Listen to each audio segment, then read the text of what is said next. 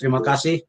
Kesempatan yang diberikan uh, oleh jemaat Tumoto bagi kami untuk membawakan uh, firman Tuhan. Dan saya senang kami lengkap satu keluarga boleh hadir berbakti bersama-sama secara online di jemaat uh, Tumoto. Terima kasih Saudara Geri Rumambi yang sudah menghubungi. Dan ini adalah kesempatan istimewa untuk boleh sama-sama berbakti dan mempelajari akan uh, firman Tuhan. Uh, terima kasih juga tadi Pak Pendeta sudah baca, kita punya ayat tema dari Markus pasal yang ke-9, Markus pasal yang ke-9 ayat yang ke-33. Sebelum saya berdoa dan kita memulai firman Tuhan, saya mau coba sekali lagi untuk uh, present uh, lagu istimewa uh, yang tadi sudah disiapkan dan semoga kali ini bisa untuk ditampilkan. Baiklah, kita sama-sama tunduk kepala dan kita akan berdoa. Bapa kami yang bertahta di dalam kerajaan sorga, bila mana kami mempelajari sabdamu, biarlah roh kudus menguasai hati dan pikiran kami. Berapi hambamu juga ya Bapa, dapat menyampaikan firman Tuhan dengan penuh kuasa. Terpujilah namamu, dalam nama Yesus kami berdoa. Amin. Kemudian tibalah Yesus dan murid-muridnya di Kapernaum. Ketika Yesus sudah di rumah, ia bertanya kepada murid-muridnya, "Apa yang kamu perbincangkan tadi di tengah jalan?" Itulah sebabnya saya ambil judul khutbah kita. Yesus tanya, ada bicara apa? Ini seperti biasa kita ucapkan di di Manado ini, logat Manado. Ada bicara apa tadi? Luar biasa Tuhan Yesus, sampai apa yang murid-muridnya bicarakan di jalan sekalipun, dia sampai urus. Dia sampai tanya, ada bicara apa tadi di jalan? Nah, pada saat ini saya mau hubungkan ayat ini dengan peristiwa yang terjadi sebelum Tuhan Yesus bertanya kepada murid-muridnya, apa yang kamu perbincangkan di tengah jalan. Dan ada tiga kali sambutan murid-murid Yesus kepada ucapan Yesus yang kurang lebih sama dan bagi banyak orang tanggapan atau reaksi dari murid-muridnya agak sedikit mengecewakan. Untuk ayat ini saja, kalau kita lanjutkan baca di ayat yang ke-34, tetapi mereka diam. Sebab di tengah jalan tadi, mereka mempertengkarkan siapa yang terbesar di antara mereka. Luar biasa Tuhan Yesus. Ada bicara apa tadi ngoni di jalan? Semua Bapak diam. Tidak ada yang berani jawab. Takut semua. Kenapa? Karena ternyata mereka mempertengkarkan siapa yang paling besar di antara mereka. Saya belum mau baca ayat sebelumnya. Saya mau mulai sekarang dari pasal yang ke-8.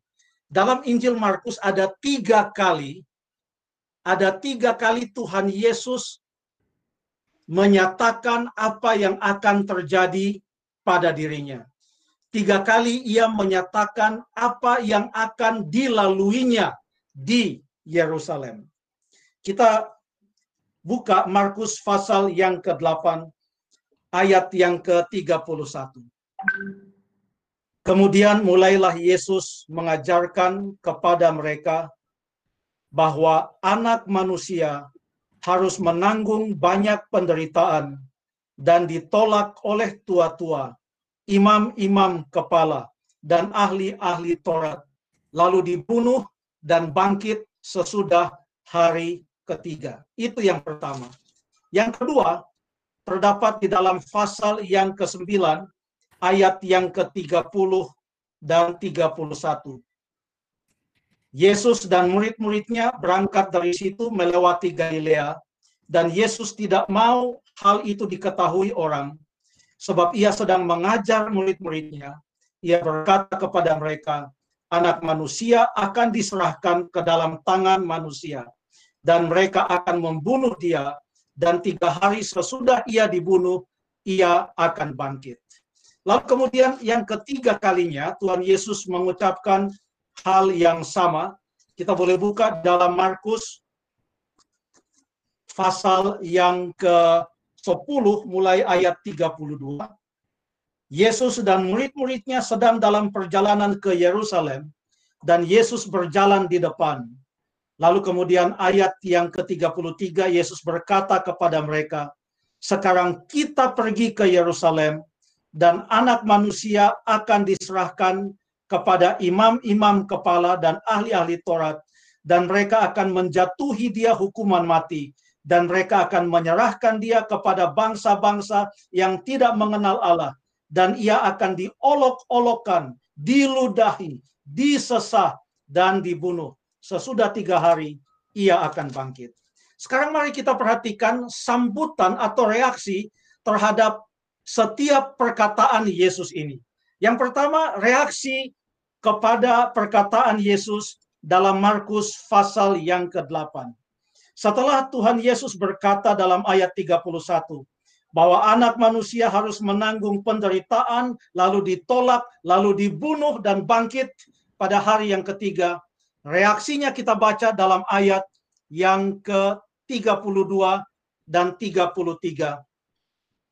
Hal itu dikatakannya dengan terus terang. Tetapi Petrus menarik Yesus ke samping dan menegur dia. Maka berpalinglah Yesus dan sambil memandang murid-muridnya, ia memarahi Petrus katanya, Enyahlah iblis, sebab engkau bukan memikirkan apa yang dipikirkan Allah, melainkan apa yang dipikirkan oleh manusia. Reaksi pertama adalah jalan pikiran Petrus tidak sejalan dengan pikiran Yesus.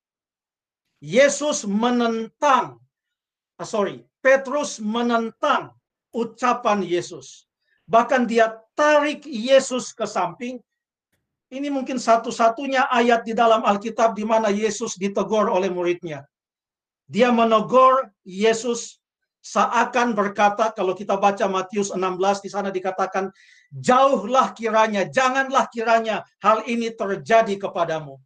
Tetapi pikiran Petrus tidak sejalan dengan pikiran Yesus. Apa yang Yesus pikirkan bukan itu yang Petrus pikirkan.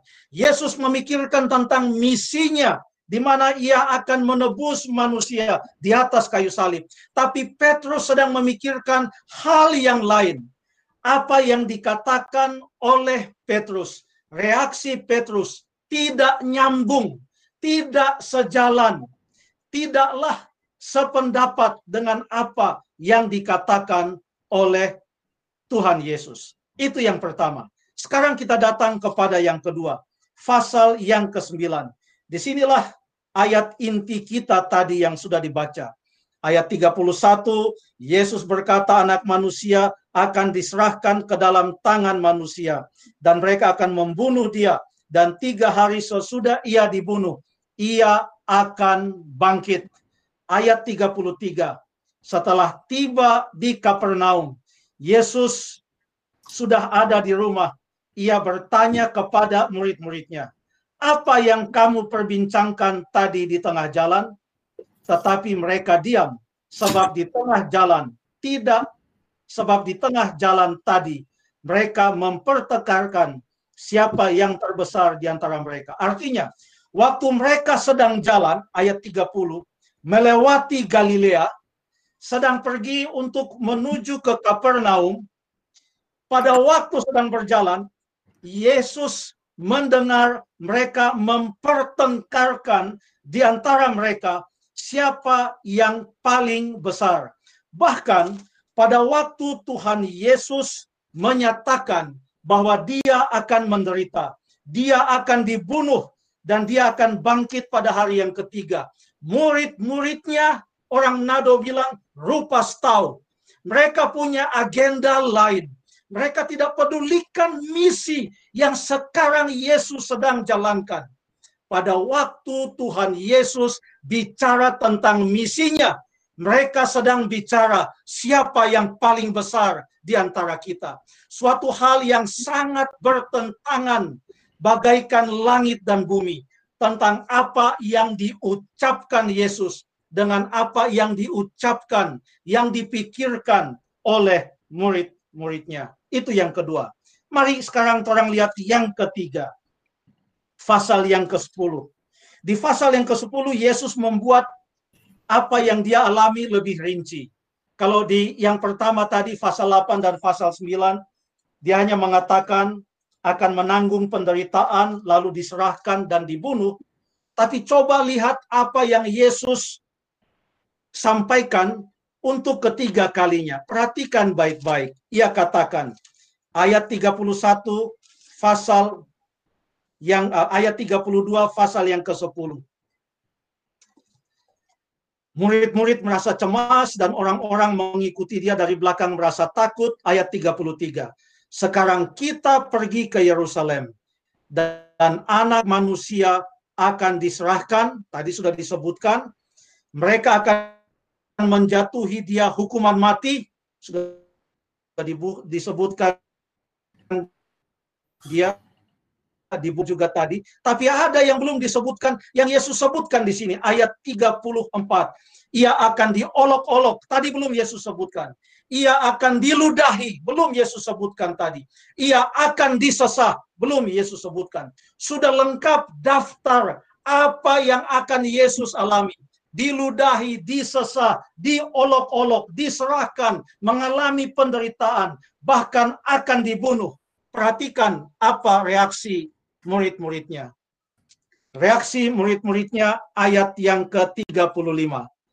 Lalu Yakobus dan Yohanes, ini pakai kata lalu, lalu artinya ini cerita bersambung. Lalu Yakobus dan Yohanes, anak-anak Zebedeus mendekati guru mendekati Yesus dan berkata kepadanya, Guru, kami harap supaya jantaro kira ya, orang bilang begitu. Kami harap supaya engkau kiranya mengabulkan suatu permintaan kami. Jawab Yesus kepada mereka, apa yang kamu kehendaki aku perbuat bagimu? Ayat 37. Lalu kata mereka, perkenankanlah kami duduk dalam kemuliaanmu kelak, yang seorang lagi di sebelah kananmu, dan yang seorang lagi di sebelah kirimu. Terserah engkau sajalah, entah Yakobus atau Yohanes, yang penting satu di sebelah kanan, satu di sebelah kiri. Coba bayangkan saudara sekalian. Tiga kali Tuhan Yesus katakan, Aku pergi dan akan menderita, diolok, disesa, akan dibunuh. Tapi semua, untuk semua perkataan Yesus, reaksi murid-muridnya sangat mengecewakan. Ada beberapa kata yang boleh kita perhatikan dengan lebih detail lagi. Coba buka lagi yang pertama. Apa kata Yesus kepada Petrus? Pasal 8 ayat yang ke-33. Pasal 8 ayat yang ke-33. Maka berpalinglah Yesus memarahi murid-muridnya, memandang murid-muridnya. Ia memarahi Petrus katanya, Enyahlah iblis sebab engkau bukan memikirkan apa yang dipikirkan Allah, melainkan apa yang dipikirkan manusia. Ini pikiran. Pikiran tidak sejalan dengan pikiran Yesus. Rencana tidak sejalan dengan rencana Yesus. Saudara-saudara masih ingat khotbah Dr. Tommy Mambu tanggal 23 Mei yang lalu mengenai Mazmur pasal 1. Mengenai orang-orang yang benar. Yang merenungkan katanya, pikiran. Taurat Tuhan katanya. Siang dan malam. Tapi apa yang ada dalam pikiran Petrus, tidak tahu apa yang dia pikir. Tidak tahu apa yang dia renungkan. Sehingga pada waktu Tuhan Yesus menyatakan misinya, dia shock berat. Karena itu tidak sesuai dengan apa yang ada dalam pikirannya. Tapi pikiran Yesus fokus, yaitu untuk melengkapi misinya menuntaskan misinya. Yang kedua apa yang ditekankan? Kita baca ayat yang ke-33 pasal yang ke-9. Pasal yang ke-9 ayat 33. Ketika Yesus sudah di rumah, ia bertanya kepada murid-muridnya, apa yang kamu perbincangkan di tengah jalan? Yang pertama tadi apa? Pikiran tidak sesuai dengan pikiran Yesus. Yang kedua adalah perbincangan mereka juga tidak sesuai dengan yang Yesus ucapkan. Pikiran mereka tidak fokus, ucapan mereka tidak fokus, pikiran Yesus fokus, perkataan Yesus fokus. Tapi mereka adalah murid-murid Tuhan Yesus. Ke mana Yesus pergi, ke sana semua mereka ikut. Lalu kemudian yang ketiga, pasal yang ke-10. Apa reaksi dari murid-muridnya? Ini bukan saja mereka memikirkan sesuatu, bukan saja mereka mempertengkarkan sesuatu di antara mereka, tapi sekarang sudah berani mereka ngomong langsung kepada Tuhan Yesus. Nah, perhatikan ada satu kata yang saya mau garis bawahi di sana. Setelah mereka mengatakan, "Guru, kami harap supaya engkau kiranya mengabulkan satu permintaan kami." Jawabnya kepada mereka, "Apa yang kamu kehendaki?" ayat 36, "supaya aku perbuat." Ini kata perbuat. What do you want me to do katanya? apa? Jadi kita bisa melihat yang pertama adalah pikiran, yang kedua adalah perkataan, yang ketiga walaupun mereka meminta tapi Yesus tanya, apa yang mau saya lakukan? Yang ditekankan adalah perbuatan di sini. Bagi Yesus, ia datang ke atas dunia ini dengan satu misi yang sangat pasti sehingga tidak pernah pikiran, perkataan, dan perbuatannya jauh dari apa yang sudah dipercayakan kepadanya. Pikiran, perkataan, dan perbuatannya fokus kepada misinya. Tetapi bagi murid-muridnya, pikiran mereka tidak sesuai dengan pikiran Yesus. Perkataan mereka tidak sesuai dengan perkataan Yesus. Bahkan apa yang mereka minta supaya diperbuat kepada mereka adalah jauh daripada apa yang diharapkan oleh Tuhan Yesus Kristus. Saudara-saudara sekalian, itu adalah kedatangan Tuhan Yesus yang pertama. Dan hebatnya kekaguman saya terhadap Tuhan Yesus sungguh luar biasa karena pada waktu saya baca bagaimana Yesus digambarkan di dalam Alkitab ini begitu indah. Karena Dua kali ini kata disebutkan di dalam Injil Markus, Markus pasal yang ke-8, kita baca lagi Markus pasal yang ke-8.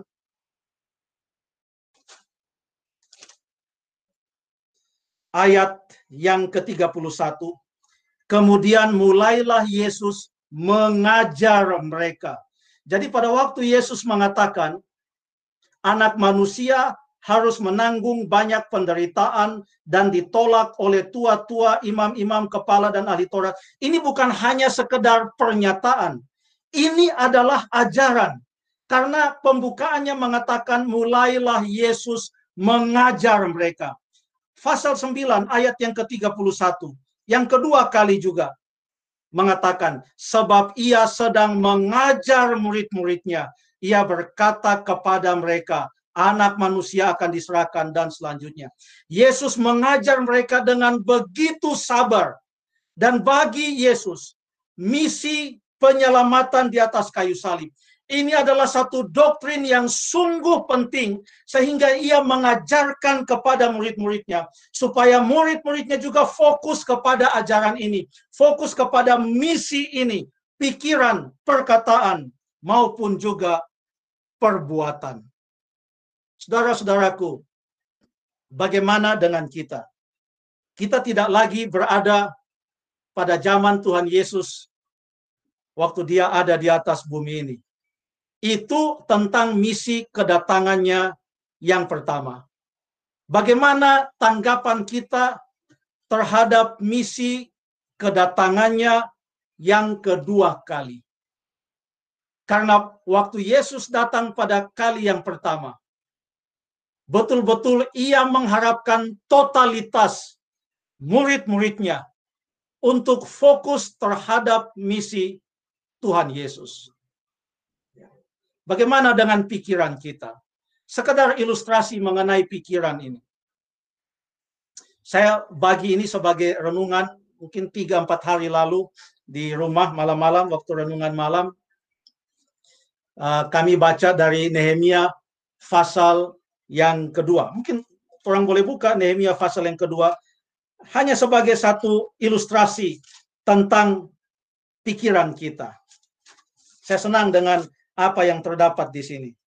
Karena Nehemia yang adalah merupakan juru minum Raja Artasastra, dalam pasal 2 ayat yang kedua, Raja bertanya kepada Nehemia, karena Nehemia pada waktu itu sedih, Raja bertanya, Mengapa mukamu muram walaupun engkau tidak sakit? Lalu kemudian raja katakan, engkau tentu sedih hati. Lalu Nehemia menjawab raja, hiduplah raja untuk selamanya. Bagaimana mukaku tidak akan muram kalau kota tempat pekuburan nenek moyangku telah menjadi reruntuhan dan pintu-pintu gerbangnya habis dimakan api. Dia memikirkan tentang tembok Yerusalem. Dia memikirkan tentang bait suci. Dari segi pekerjaan untuk Nehemia sudah cukup mapan. Sedangkan permasyuri raja kalau datang mesti minta izin.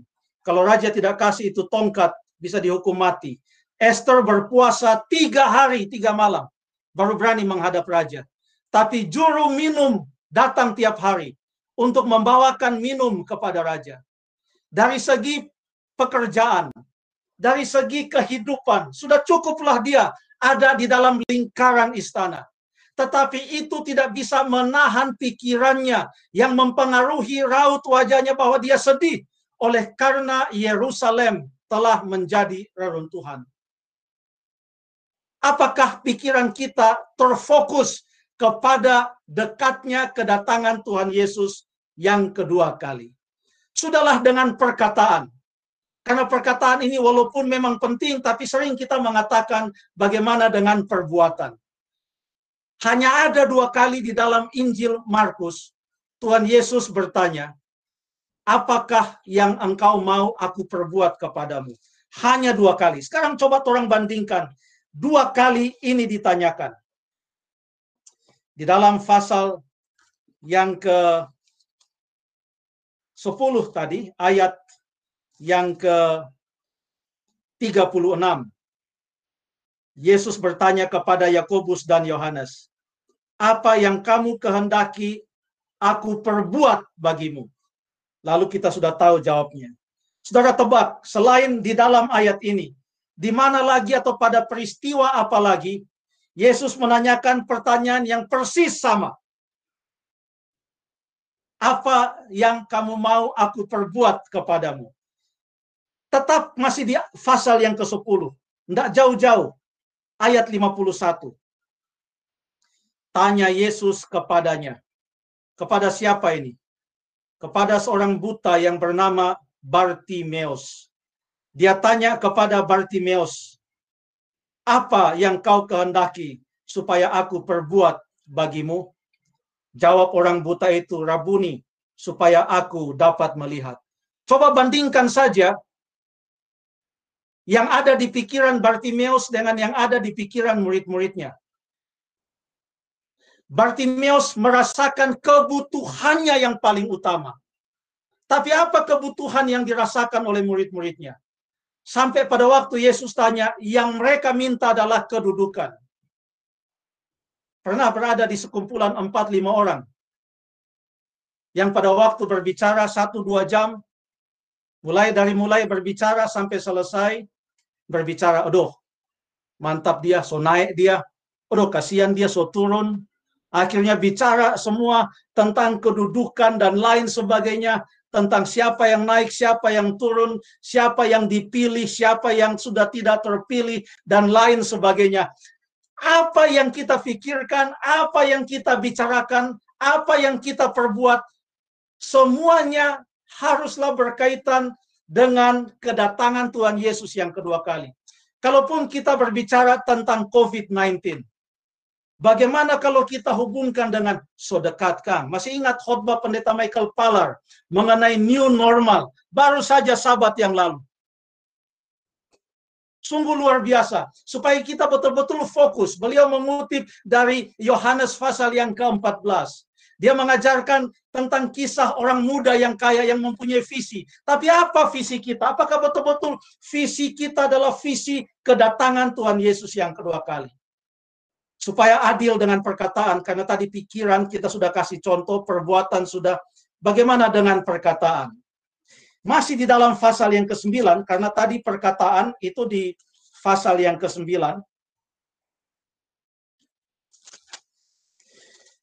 mengata eh, Yesus bertanya, "Apakah yang kalian perbincangkan?" katanya di tengah jalan. Apa yang kalian perbincangkan di tengah jalan? Masih di dalam pasal yang ke-9.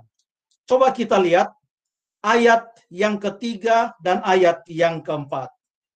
Waktu itu Petrus, Yakobus, dan Yohanes mendapatkan kesempatan istimewa untuk boleh bersama-sama dengan Tuhan Yesus naik ke atas satu bukit.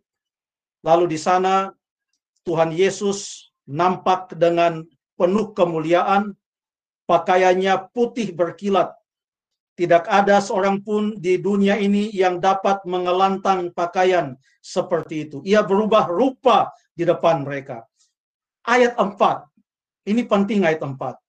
Maka nampaklah kepada mereka Elia bersama dengan Musa, keduanya sedang bicara dengan Yesus. Orang mau tanya, ada bicara apa orang? Bayangkan Elia dan Musa harus datang dari sorga, bicara dengan Tuhan Yesus di atas bukit. Orang mau tahu, ada agenda apa yang sangat penting. Sehingga Musa dan Elia bicara-bicara dengan Yesus di atas bukit itu. Memang di dalam Injil Markus tidak disebutkan. Tapi coba kita baca paralel ceritanya dalam Lukas pasal yang ke-9. Lukas pasal yang ke-9. Saya mau baca ayat yang ke-30 dan 31. Dan tampaklah dua orang berbicara dengan dia, yaitu Musa dan Elia. Perhatikan ayat 31. Keduanya menampakkan diri dalam kemuliaan dan berbicara tentang apa? Luar biasa agenda. Agenda tunggal. Agenda tunggal di atas bukit kemuliaan. Mengatakan, dan berbicara tentang tujuan kepergiannya yang akan digenapinya di Yerusalem. Bicara apa mereka? Tetap bicara misi Tuhan Yesus yang akan digenapi di atas kayu salib. Kita bisa melihat di sini. Allah menjelma menjadi manusia, Yesus Kristus, datang dengan tujuan mencari dan menyelamatkan mereka yang hilang.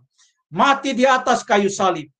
Selama pelayanannya, selama hidupnya, pikirannya, perkataannya, perbuatannya, semua fokus kepada misinya ajakan kepada kita pada siang hari ini. Apa ajakan bagi kita? Saya mau kita buka di dalam kitab Kolose pasal yang ketiga. Dan semua ayat-ayat ini saya akan ambil dari kitab Kolose pasal yang ketiga. Karena yang tadi pertama kita tekankan tentang pikiran yang fokus. Yang mengikuti pemikiran Kristus. Yang kedua, perkataan yang sejalan dengan perkataan Kristus.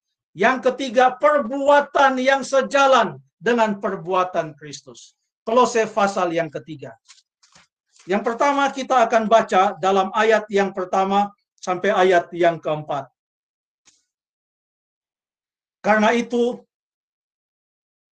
kalau kamu dibangkitkan bersama dengan Kristus, Carilah perkara yang di atas di mana Kristus ada. Duduk di sebelah kanan Allah. Ayat 2. Pikirkanlah perkara yang di atas bukan yang di bumi. Sebab kamu telah mati, dan hidupmu tersembunyi bersama dengan Kristus di dalam Allah. Apabila Kristus yang adalah hidup kita menyatakan diri kelak, kamu pun akan menyatakan diri bersama dengan dia di dalam kemuliaan. Berbicara tentang kedatangan Tuhan Yesus yang kedua kali. Biarlah kita memikirkan tentang perkara-perkara yang di atas. Kita orang so belajar nubuatan. So belajar segala macam ayat Alkitab. 28 doktrin-doktrin dasar. Segala sesuatu tulisannya White. Sangat disayangkan kalau pikiran kita tidak terfokus kepada perkara-perkara di atas. Untuk memikirkan betapa Allah mengasihi kita. Bahwa betapa dekatnya sudah kedatangan Tuhan Yesus yang kedua kali. Itu tentang pikiran. Kita baca sekarang ayat yang ke-16.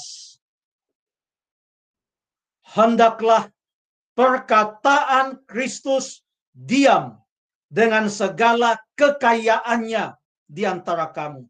Perkataan Kristus. Diam dengan segala kekayaannya di antara kamu. Sehingga kamu dengan segala hikmat mengajar dan menegur orang akan yang seorang akan yang lain dan sambil menyanyikan mazmur, puji-pujian, dan nyanyian rohani. Kamu mengucap syukur kepada Allah di dalam hatimu. Yang dimaksudkan dengan perkataan di sini bukan hanya mengajar atau menegur satu sama lain. Ternyata menyanyi termasuk perkataan di sini. Lagu-lagu apa tuh yang orang ada menyanyi-menyanyi akan? Siapa yang kita puji? Apa fokus dan tema lagu-lagu kita? Apakah perkara-perkara di atas atau hal-hal yang ada di atas bumi ini? Luar biasa ini Kolose pasal yang ketiga. Dikaitkan dengan apa yang ada di dalam Markus. Mengenai pikiran, perkataan maupun perbuatan. Ayat 17. Dan segala sesuatu yang kamu lakukan dengan perkataan atau perbuatan lakukanlah semuanya itu dalam nama Tuhan sambil mengucap syukur oleh Dia kepada Allah Bapa kita. Kita sudah mempelajari bahwa kedatangan Tuhan Yesus sudah sangat dekat. Untuk ayat yang terakhir saya mau kita membaca dari dalam Injil Lukas pasal yang ke-17. Lukas pasal yang ke-17.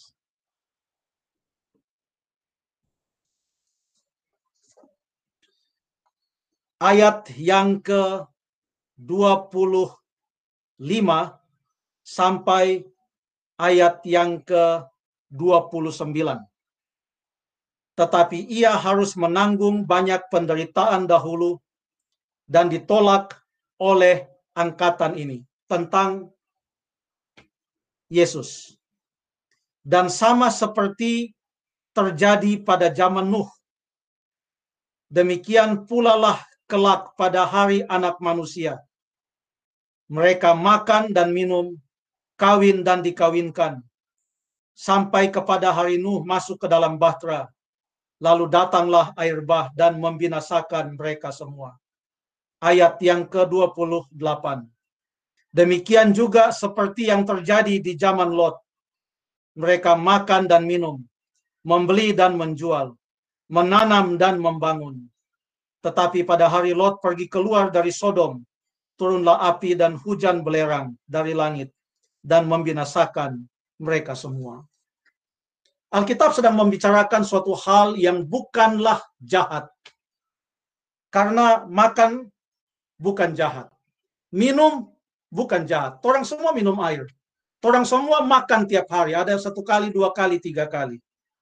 Kawin bukan jahat. Justru menurut satu Timotius pasal yang keempat, ajaran yang jahat adalah ajaran yang melarang orang kawin. Dan melarang orang makan makanan yang diciptakan Allah. Itu katanya adalah ajaran yang jahat. Yang dikatakan di sini, pada zaman Nuh, pada zaman Lot, orang makan, orang minum, orang kawin dikawinkan, urus anak perkawinan dan lain sebagainya. Lalu kemudian orang membeli apa membeli kejahatan. Ya enggak. Orang beli. Entah cash atau kartu kredit, kita membeli. Menjual. We are doing business. Transaksi dan lain sebagainya. Bukan kejahatan. Menanam. Ada yang menanam cengkeh di Minasa. Apa itu kejahatan? Tidak. Itu berkat Tuhan. Lalu kemudian membangun. Bangun rumah. Apakah itu kejahatan? Bukan. Apa yang sedang dibicarakan di sini? Makan, minum, kawin, dikawinkan, menanam, membangun, membeli, dan menjual. Yesus sedang berbicara tentang sebuah rutinitas manusia tanpa memikirkan bahwa dunia akan binasa. Seorang lahir, bertambah besar, masuk sekolah, tamat sekolah, bekerja, menikah, punya anak, anak masuk sekolah, lalu kemudian anak selesai sekolah, so siap mau kawin, kasih kawin anak, bangun rumah untuk pensiun, beli ladang, tanam sedikit mungkin palawija dan lain sebagainya. Hanya itu yang terjadi siklus manusia ini. Kalau hanya itu orang-orang Advent pikirkan. Orang tidak beda dengan orang-orang di zaman Nuh dengan di zaman Nuh. Karena semuanya hanya rutinitas. Yang Yesus mau adalah sebagaimana kedatangannya yang pertama untuk mati di atas kayu salib. Bahwa murid-muridnya tahu ke mana ini semua akan menuju. Supaya pikiran mereka, perkataan mereka, perbuatan mereka sejalan dengan misinya. Misi yang pertama telah selesai. Sekarang ia berjanji ia akan datang lagi. Biarlah hidup kita bukanlah hanya rutinitas begini. Tapi kita tahu kita sedang menuju kepada sebuah peristiwa besar. Yaitu kedatangan Tuhan Yesus yang kedua kali. Biarlah pikiran kita fokus ke sana. Biarlah perkataan kita fokus ke sana. Biarlah rencana-rencana kita biarlah perbuatan kita semua fokus ke sana. Bukankah Tuhan Yesus berkata, kasihilah Tuhan Alamu dengan segenap akal budimu, segenap jiwamu, dengan segenap kekuatanmu.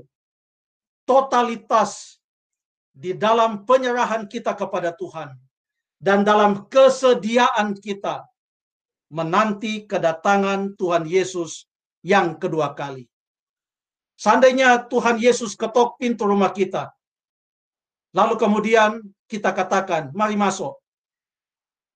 Kong Yesus tanya, ada bicara apa? Apa kira-kira jawaban kita? Semoga Tuhan memberkati kita semuanya. Amin.